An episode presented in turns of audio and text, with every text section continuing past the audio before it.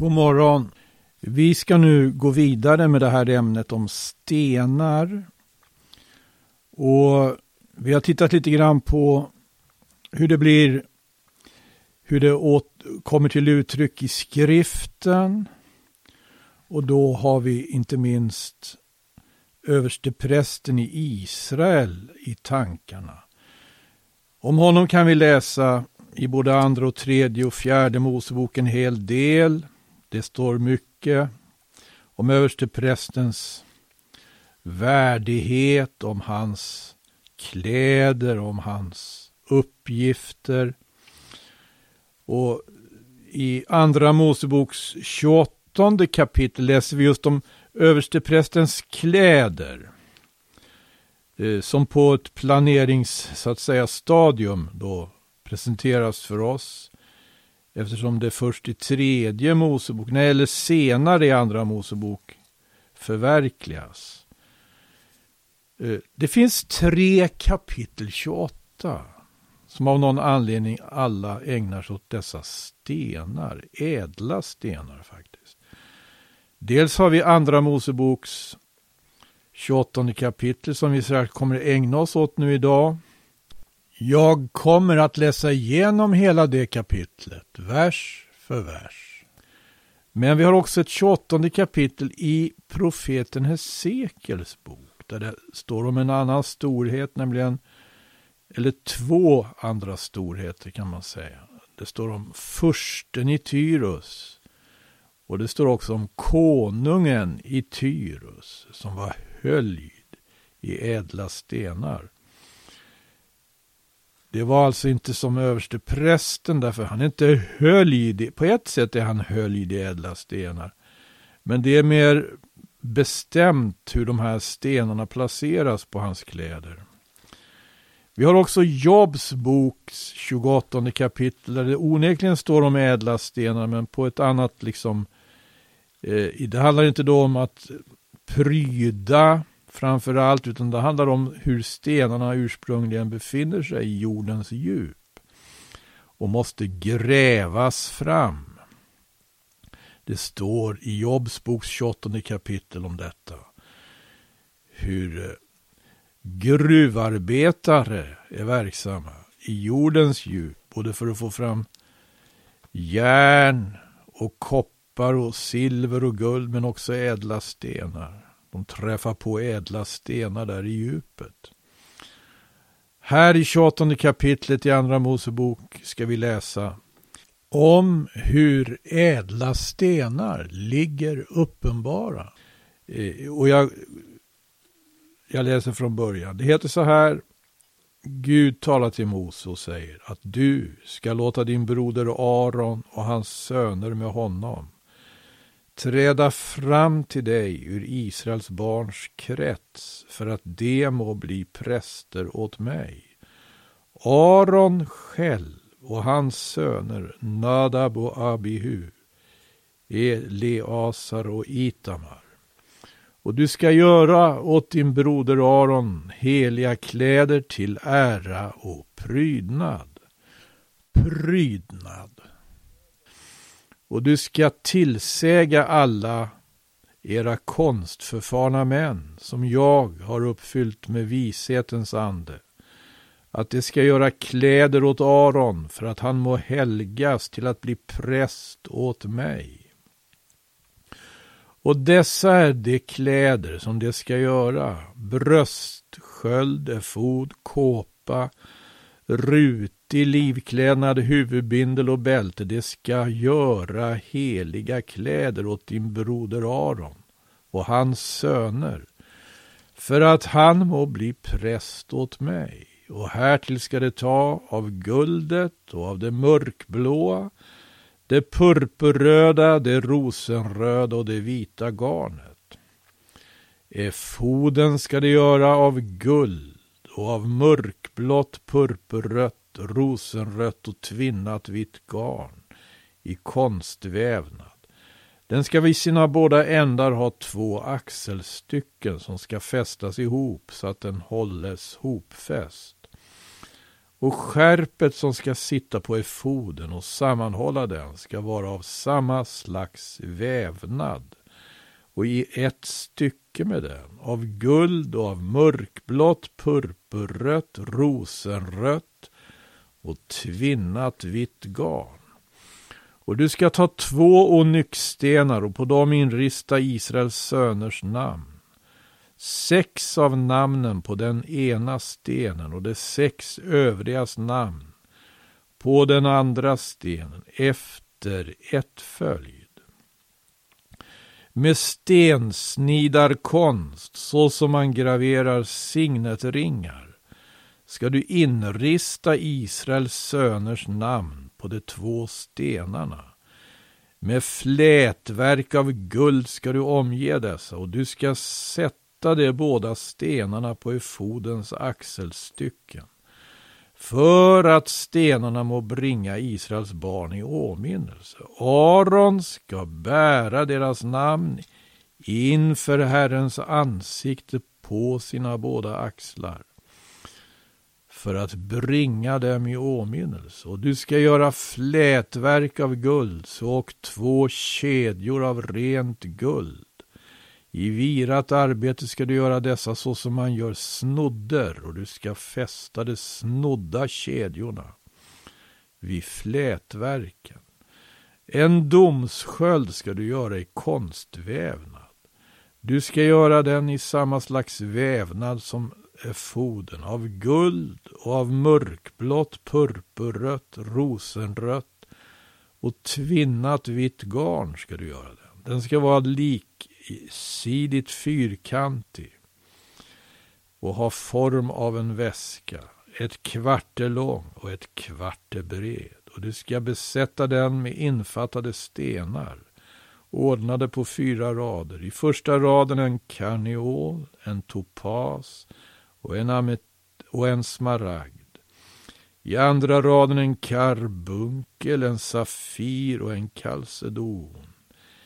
I tredje raden en hyacint, en agat, en ametist.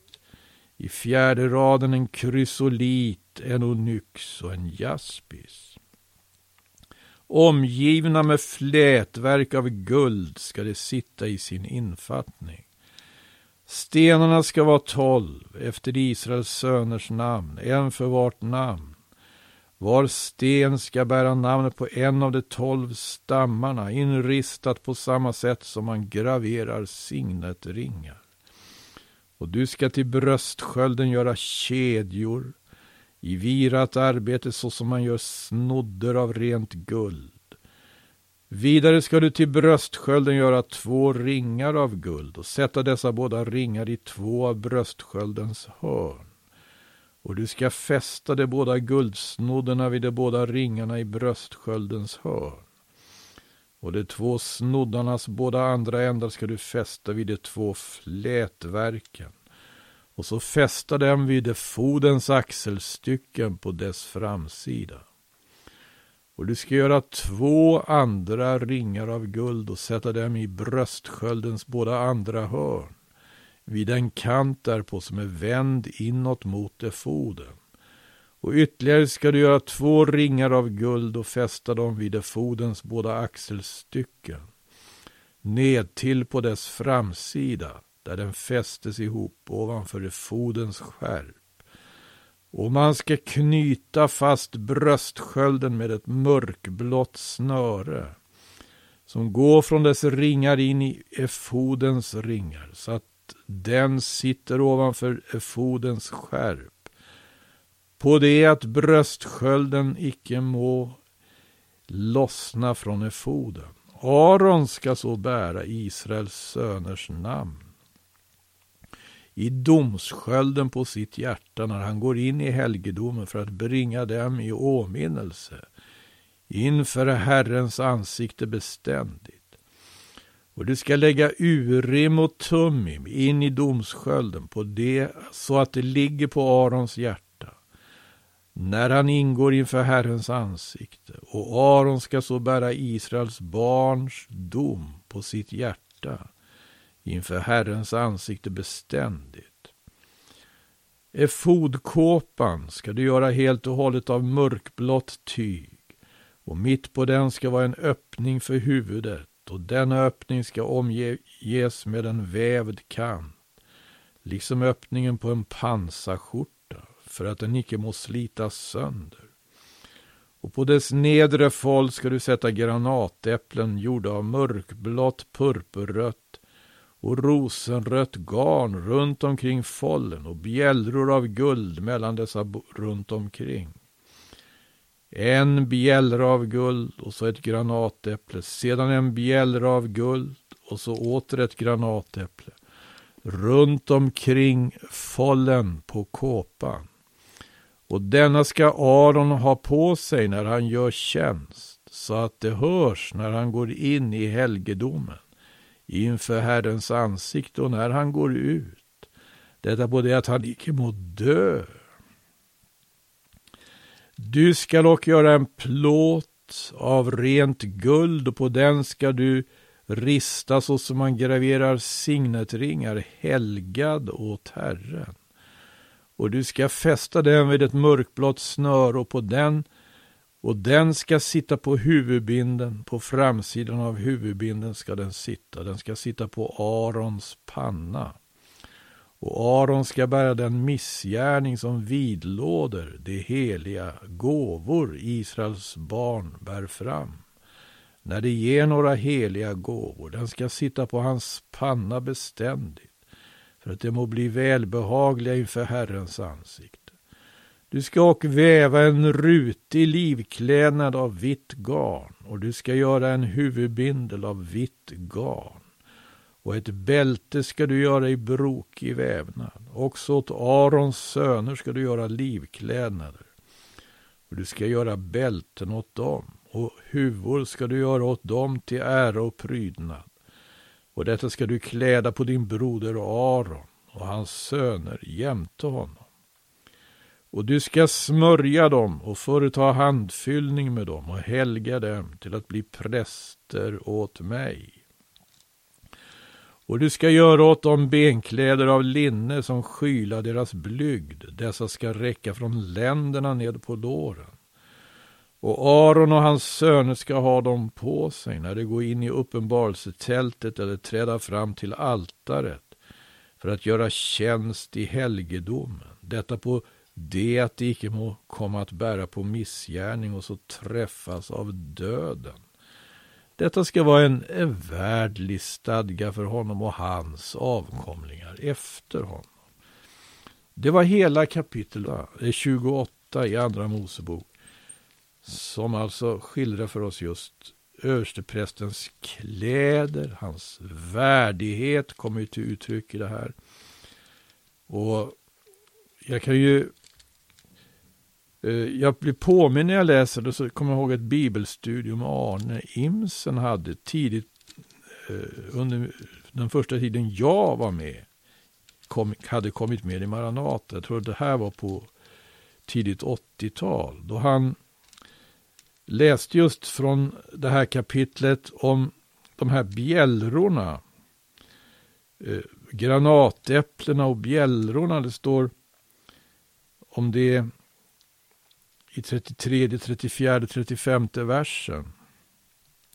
Och det står i 35 versen, denna skall Aron ha på sig när han gör tjänst, så att det hörs när han går in i helgedomen inför Herrens ansikte och när han går ut.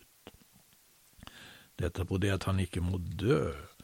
Jag tror Arne läste det här och gjorde det med en påminnelse om vad han hade själv suttit och lyssnat till Eh, då han var, gick i bibelskolan på Rörstrandsgatan på 30-talet och lyssnade till Levi Petrus. Levi Petrus hade tydligen tagit upp det här som en bild på betydelsen av andens gåvor.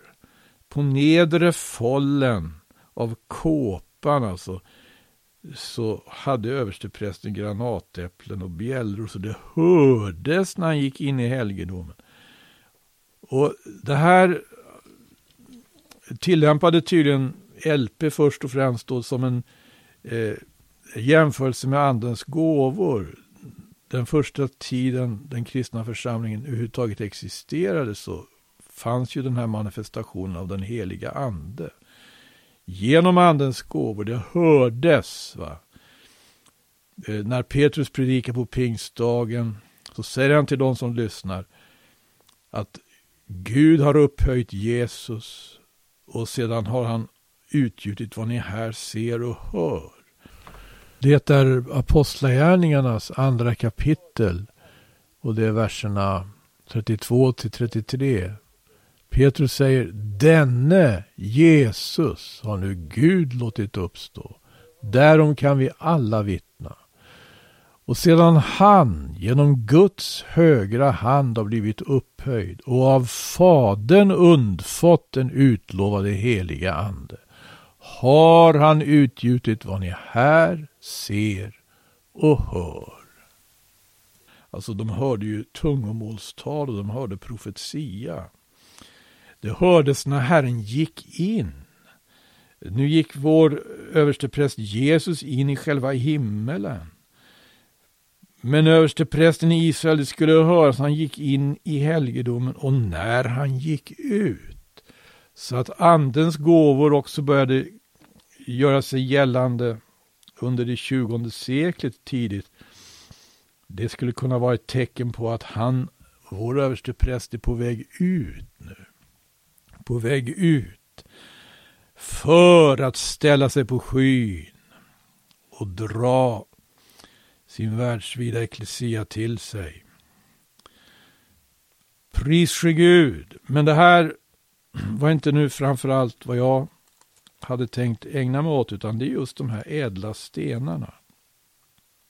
Vi ser att de ädla stenarna fanns på axelstyckena av efoden och på bröstskölden eller domskölden. På axelstyckena fanns bara ett slags ädelsten, men i två exemplar. Det var onyxstenar.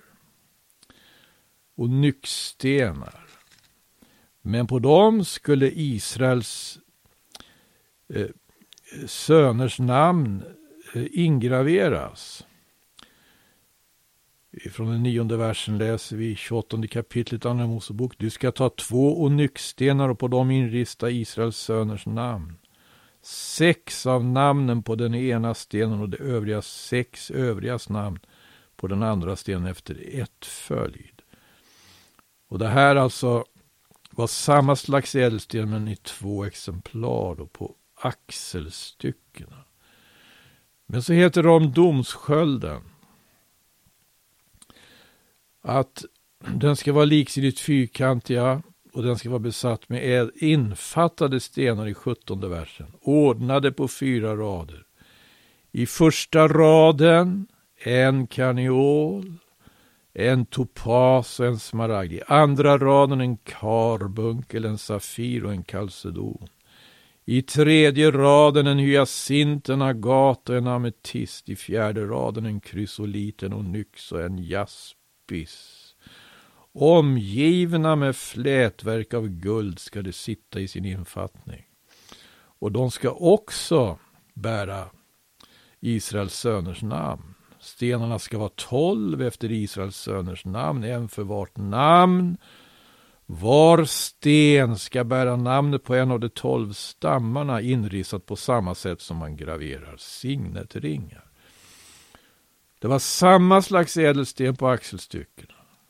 Onyx. Men på bröstskölden eller domskölden så var det tolv olika stenar. Olikfärgade också stenar. Och jag har jämfört olika översättningar och jag ser att det är ibland så att det här med språkförbistringen. Men det har vi ju ett underbart motdrag mot genom pingstundret. En manifestation genom att anden ger eh, gåvor. Så att vi kan tala på olika språk, även språk vi själva inte förstår. Så som det skedde på den första pingstdagen. De här stenarna, dels på axelstyckena, dels på bröstskölden. Det fanns alltså också namnen på Israels söner. Jag funderar lite grann på vad beror det på att det är både på axelstyckena och på bröstskölden. Det står ju uttryckligen Aron ska bära Israels söners namn på sitt hjärta. Det, det, var, det var bröstskölden talar om. Det är e, enligt 29 versen i det här kapitlet. På axlarna däremot onyxstenar. Kan det här ha att göra med alltså att Israel blev ju välsignade, alla de enskilda sönerna blev välsignade av patriarken Jakob, deras far, enligt första Moseboks 49 kapitel. Och alla Israels stammar blev välsignade av Mose. Enligt femte Moseboks 33 kapitel. Men vi ser att Jakob, han finner andra, om vi säger kvaliteter, hos sina dos individuella söner än vad Mose finner i de här enskilda stammarna som har uppstått efter de här in, enskilda individerna. Därför Mose gav ju sin välsignelse åt Israels stammar över, långt över 400 år efter att Jakob hade välsignat. Jakob välsignar sina söner i första Moseboks 49 kapitel. Mose välsignade Israels tolv stammar. I femte Moseboks 33 kapitel. Och det här är väl en anledning till att de, att de har sån lyster så som vore de ädla stenar. De har en sån lyster så som vore de ädla stenar. Det handlar om Guds tankar med Israel, Guds tankar då han kallade patriarkerna Guds tankar, då han förlossade alla de tolv stammarna ur träldomshuset i Egypten. Ja, och det är ju framförallt Gud som har välsignat Israel i patriarkerna redan. Det får vi inte glömma. Det är, de är så som ädla stenar. Eh, jag sa Jakob ser andra kvaliteter än Moses ser. Moses ser att det fattas kvaliteter ibland. Där Jakob tydligt ser kvalitet beroende på kanske huruvida de här antingen individerna utmärker sig eller stammarna. När det kommer till stammarna så är det kanske särskilt förmågan att strida som uppskattas. Förmågan att strida är däremot inte alla gånger vad Jakob uppskattar. Han eh, han drar sig lite för att vara alldeles för berömmande när det gäller Simeon och Levi till exempel. De höll på att ställa till ett elände genom att de var så aggressiva och stridbara. Men Mose ville ha stammar som var stridbara och som kunde eh, inta kanans land. Det kan vara en anledning av att de liksom värderar lite olika. Jag tänker mig att förmågan att strida och visa styrka styrka, det liksom ligger på Arons, översteprästens axlar. Där har vi Israels eh, tolv stammar. Medan däremot de tolv sönerna, de här enskilda individerna ursprungligen, eh, värderas då på ett annat sätt enskilt, varje individ för sig och därför så har vi tolv olika ädelstenar. På bröstskölden. det kan vara en anledning, det kan vara en förklaring till.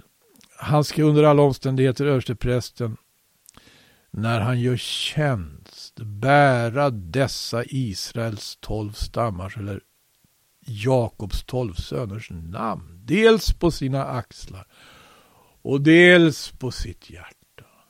Och så finns det också en antydan här av korset, eller hur? Det finns en antydan om korset i det att vissa då av de här sönernas namn som står på nyckstenarna på axlarna. De befinner sig på, på horisontalplanet. På horisontalplanet.